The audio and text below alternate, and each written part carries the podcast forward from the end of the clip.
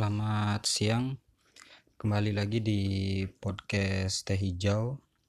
Jadi pada podcast kali ini eh, dan bertepatan juga dengan Hari Raya Saraswati ya. Jadi pada hari ini eh, umat Hindu di Bali di Indonesia itu eh, merayakan Hari Raya Saraswati, di mana pada Hari Raya Saraswati ini dimaknai sebagai uh, turunnya ilmu pengetahuan. Jadi pada hari ini uh, kami umat Hindu itu melaksanakan persembahyangan uh, dalam rangka uh, memaknai hari ini sebagai hari turunnya ilmu pengetahuan. Jadi setiap enam bulan sekali uh, umat Hindu itu merayakan hari raya Saraswati. Jadi itu bertepatan dengan uh, kalau di kalender Bali itu Saniscara uh, Watu Gunung ya. Jadi hari-hari raya Saraswati itu akan selalu datang di hari Sabtu. Jadi sangat menarik uh, pada hari ini uh, saya berkeinginan untuk membuat sebuah podcast yang membahas tentang Hari Raya Saraswati dan uh, sains terbuka.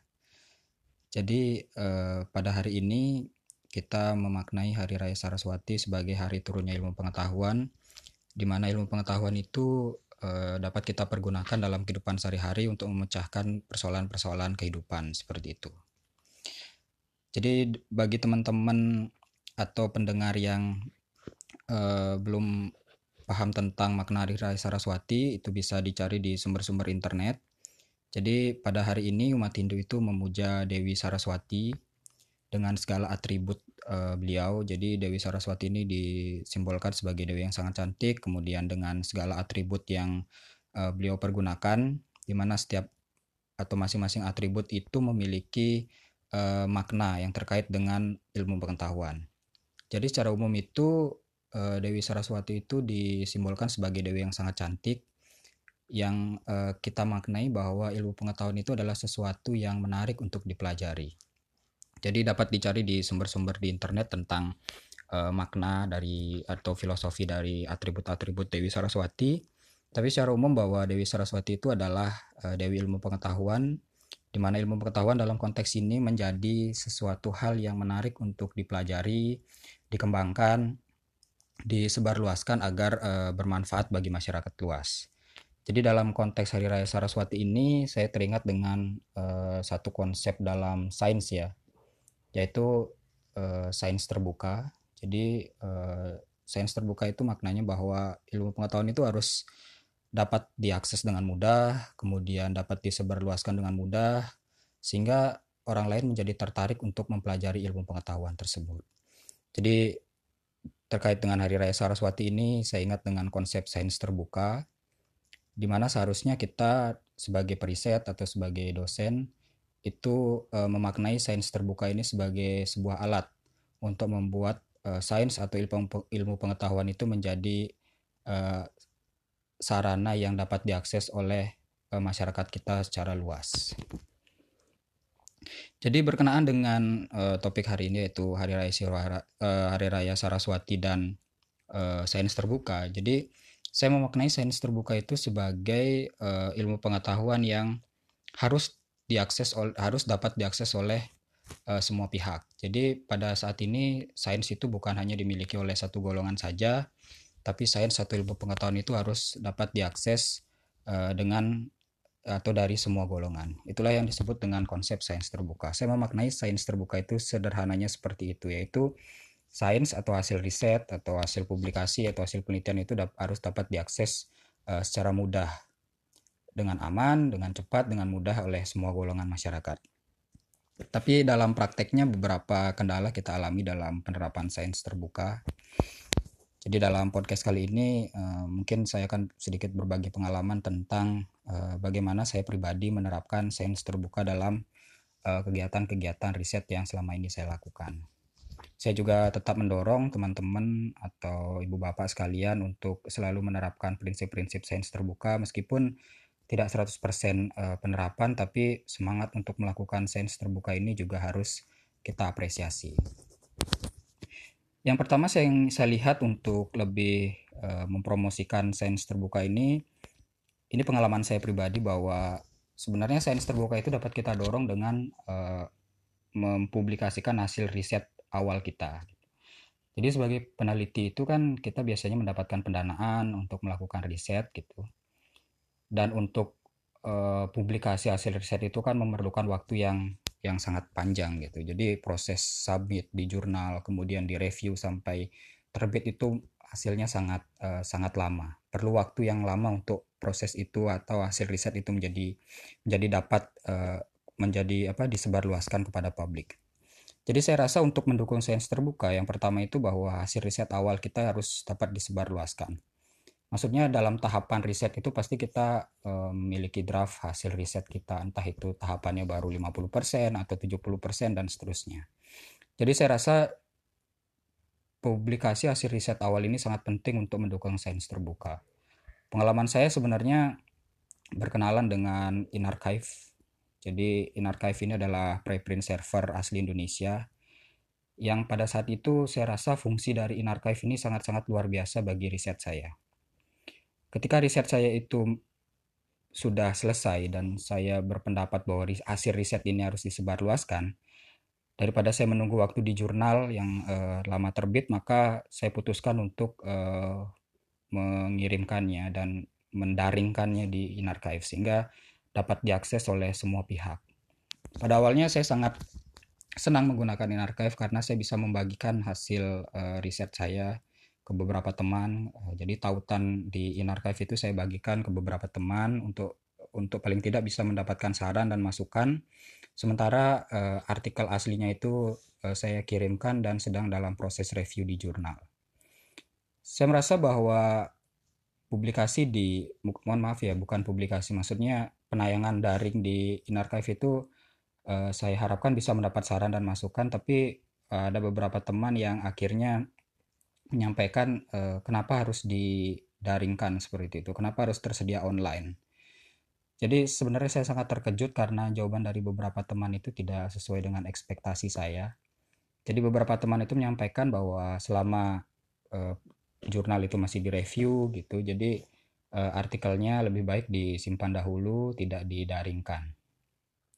Karena mungkin nanti idenya bisa dicuri atau nanti jika dicek plagiasi maka tingkat uh, plagiasinya akan, akan tinggi. Gitu. Nah ini agak berbeda dengan uh, keyakinan awal saya bahwa sebenarnya publikasi awal riset itu di InArchive waktu itu adalah fungsinya untuk mendapatkan saran dan masukan dari komunitas akademik. Uh, jadi semakin awal kita melakukan uh, diseminasi hasil riset tentu uh, hasil riset kita itu akan uh, sangat baru ya. Sehingga saran dan masukan itu akan menjadi penting untuk perbaikan uh, bagi artikel kita yang sedang uh, direview di jurnal. Tapi mungkin beberapa perbedaan pendapat itu akhirnya uh, apa namanya membuat saya uh, berpikir bahwa memang terjadi perbedaan pendapat antara uh, publikasi yang kita kenal selama ini. Kalau menurut saya, InArchive itu sangat baik perannya karena pertama itu bukan publikasi karena secara sederhana di InArchive kita tidak ada ISSN atau uh, eh, ISBN ya secara online. Jadi InArchive itu adalah pengarsipan mandiri. Seperti saya menyimpan di laptop, tapi kemudian saya daringkan agar semua orang bisa membaca. Jadi eh, sangat berbeda karena banyak teman-teman yang belum memahami tentang uh, peran dari preprint server yang menganggap itu adalah publikasi. Jadi uh, setiap yang sudah tampil daring itu selalu disampaikan bahwa publikasi. Jadi Repositori itu atau preprint server itu sebenarnya adalah pengarsipan mandiri yang saya lakukan dengan tujuan untuk memperluas hasil riset awal saya. Meskipun saya sadari bahwa hasil riset awal itu tentu belum baik ya, tapi saran dan masukan dari komunitas akademik tentu akan lebih banyak jika kita sudah mulai uh, mengirimkan hasil riset awal kita ke preprint server. Jadi sebenarnya fungsi preprint server itu sangat banyak bagi peneliti. Salah satunya yang saya rasakan adalah Ketika saya akan mencari ide-ide atau topik-topik terbaru tentang riset, maka saya akan lari ke preprint server. Karena di sana akan banyak sekali topik-topik yang baru saja diteliti atau sedang penelitian. Para peneliti itu akan mempublikasikan hasil riset awalnya sehingga kita bisa mendapat ide-ide atau pengembangan uh, ilmu pengetahuan dari sana. Sehingga oh misalkan kalau topik akuntansi yang terbaru adalah ini, kalau bidang saya akuntansi, maka ke depannya saya akan bisa membuat seperti ini. Jadi dari sana juga bisa terjadi jejaring akademik bahwa kita bisa menghubungi penulis dari artikel tersebut memberikan saran dan masukan, bertanya apa yang bisa kita pakai di riset sebelumnya. Jadi preprint itu mengajarkan bahwa ketika komunitas akademik kita jujur, kemudian transparan, dan paling tidak ada usaha untuk memperbaiki uh, hasil penelitian mereka, tentu proses kasus pencurian ide itu tidak akan terjadi ya. Selama ini ketika saya mengirimkan atau menaruh artikel di preprint server itu tidak ada kasus Eh, yang saya alami itu kasus pencurian. Paling tidak ada teman yang mengirimkan melalui email atau surel yang bertanya tentang data yang saya pakai, kemudian proses risetnya seperti itu. Jadi dari proses uh, saya mengunggah uh, artikel-artikel awal itu di preprint itu saya kenal dengan beberapa rekan dosen di kampus lain. Jadi untuk mendukung sains terbuka sebenarnya yang perlu kita lakukan adalah kita bisa mengunggah artikel awal kita, hasil riset kita di preprint server atau di repositori kampus yang fungsinya memang adalah uh, mendapat untuk mendapatkan saran dan masukan dari komunitas akademik. Jadi itu pengalaman yang saya alami untuk mendukung sains terbuka yang saya lakukan. Jadi semakin cepat kita mempublikasikan hasil riset, tentu akan semakin bagus karena komunitas akademik tahu apa yang kita lakukan, hasilnya seperti apa, dan kita bisa mendapatkan uh, feedback yang baik. Karena saya menyadari bahwa publikasi di jurnal itu tentu memerlukan waktu yang lama ya. Kita tidak bisa memaksa pengelola jurnal untuk mempublikasikan artikel kita sesuai dengan keinginan kita. Pengelola jurnal memiliki mekanisme tertentu, jadi kita harus hormati. Mungkin ada waktu sekitar enam bulan sampai proses review selesai, sampai terbit mungkin 9 bulan dan seterusnya. Jadi kita harus hormati itu. Jadi untuk mendukung sains terbuka tentu peran dari preprint server itu sangat-sangat penting. Selama yang saya rasakan, uh, saya mendapat banyak masukan, saran, dan uh, koneksi akademik ya dari artikel-artikel yang saya taruh di preprint server waktu itu di InArchive. Jadi saya berharap teman-teman atau ibu bapak yang mendengarkan podcast ini dapat selalu uh, paling tidak membuat sebuah uh, apresiasi ya bagi teman-teman yang sudah uh, membuat preprint server atau menaruh hasil riset awal di repository. Jadi dengan itu kita bisa mengetahui hasil riset awal dari teman-teman peneliti yang lain. Itu pengalaman saya terkait dengan bagaimana saya melakukan sains terbuka. Kemudian yang berikutnya yang bisa saya sampaikan melalui podcast ini bagaimana kita mendukung sains terbuka itu yang pertama adalah eh, yang berikutnya adalah kita harus membuat riset itu membumi. Kalau saya baca di beberapa literatur, komunitas akademik itu seperti komunitas sendiri yang sangat eksklusif. Jadi kita mendapat dana penelitian, kemudian kita meneliti sendiri, hasil penelitian itu kita juga pakai dalam komunitas akademik.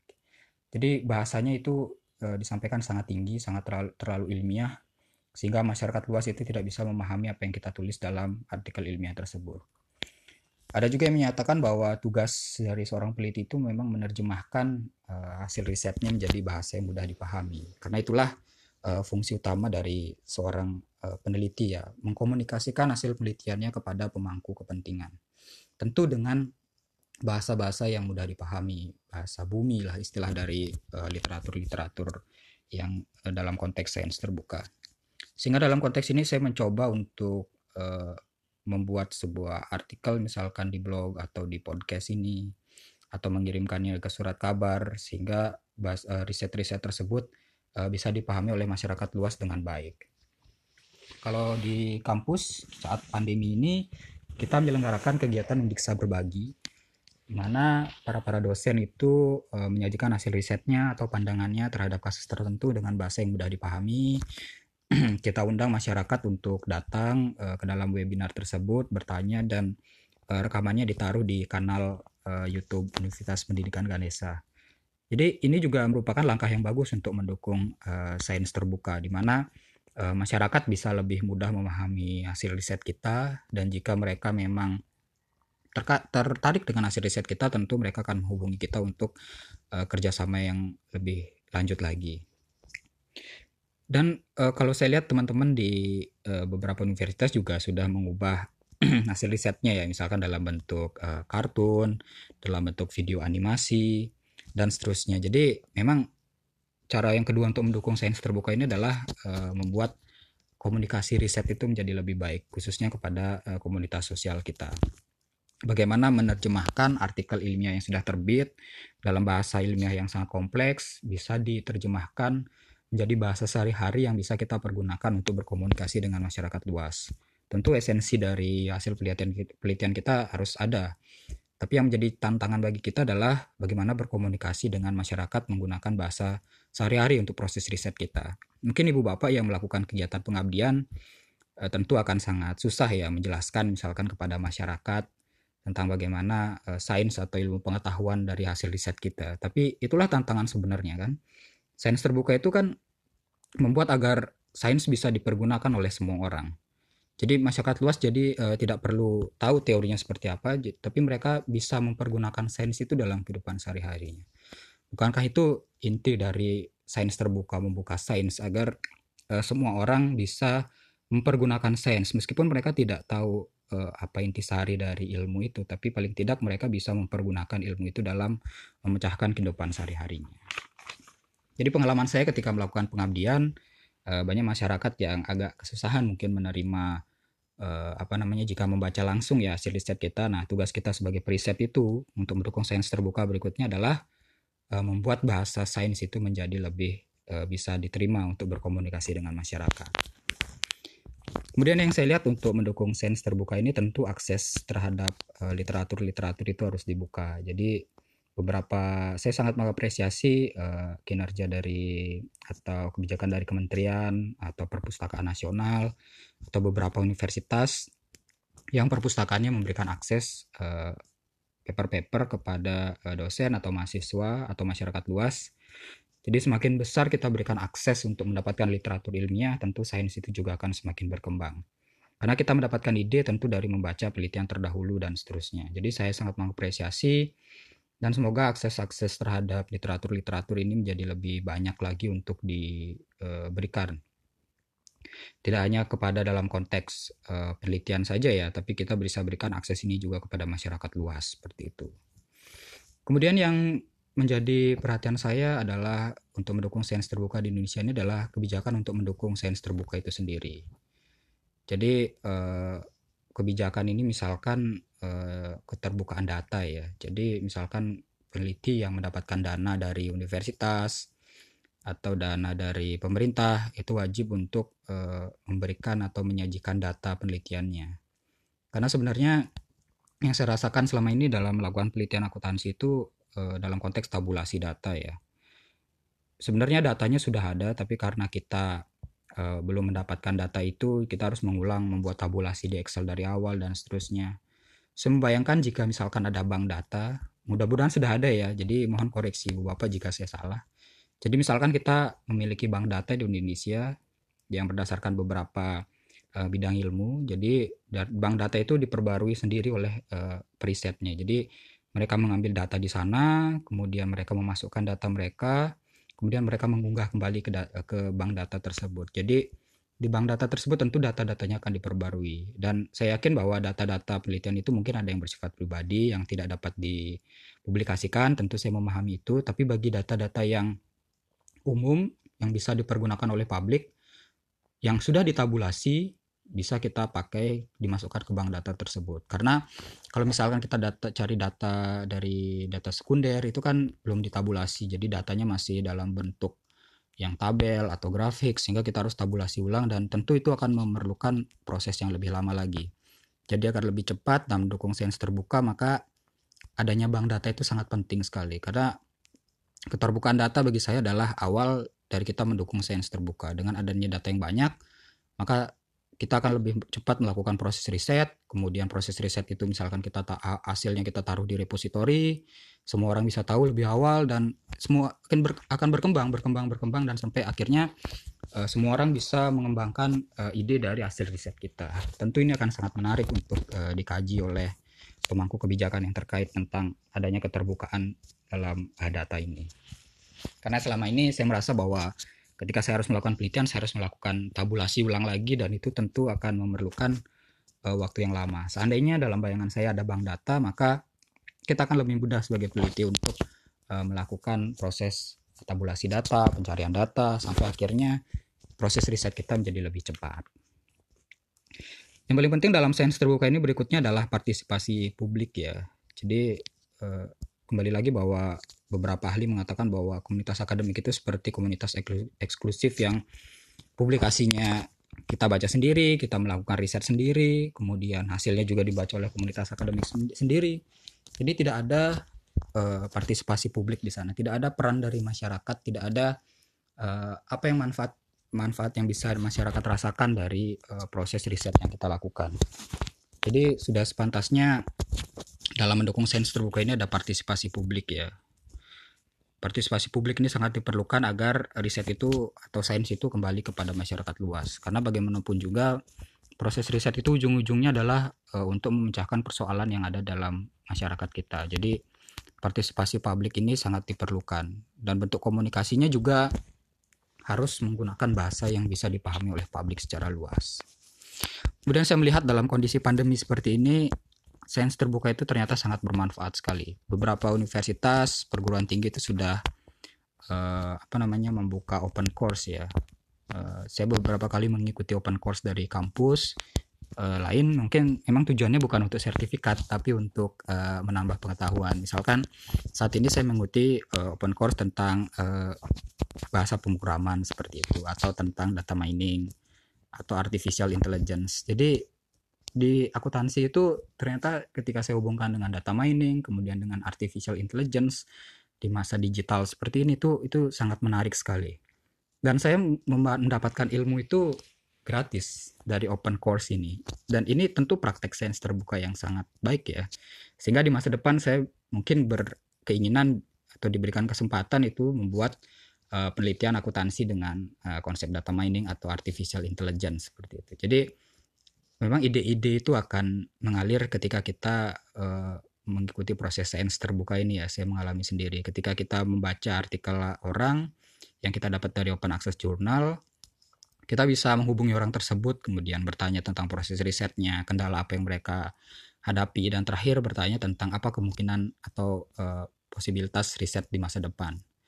Jadi dari open course, kemudian dari open access journal, kita bisa membangun jejaring akademik yang sangat luas.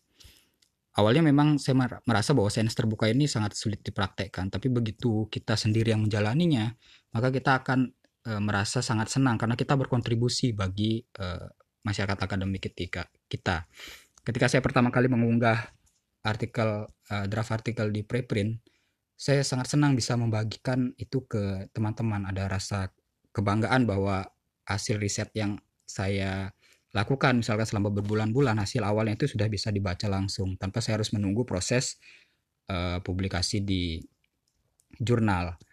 Jadi sains terbuka itu sangat uh, nyaman, sangat enak ketika kita sendiri yang uh, menikmati proses sains terbuka tersebut. Tentu dengan aturan-aturan yang uh, kita harus sepakati bersama, misalkan jujur dan seterusnya. Jadi saat pandemi ini sebenarnya sains terbuka sangat bermanfaat ya. Ketika pembelajaran daring menjadi sangat susah, kemudian ketika beberapa mahasiswa atau beberapa dosen sangat kesulitan dengan infrastruktur terkait pembelajaran daring, maka sains terbuka menjadi kuncinya. Sains terbuka memberikan kita kesempatan untuk mem, apa, bermanfaat atau berkontribusi bagi masyarakat luas. Sains terbuka juga bisa memberikan kita sebuah kenyamanan dalam uh, profesi akademik kita bahwa kita sudah melakukan tugas kita memberikan sebesar-besarnya manfaat diri kita kepada masyarakat luas.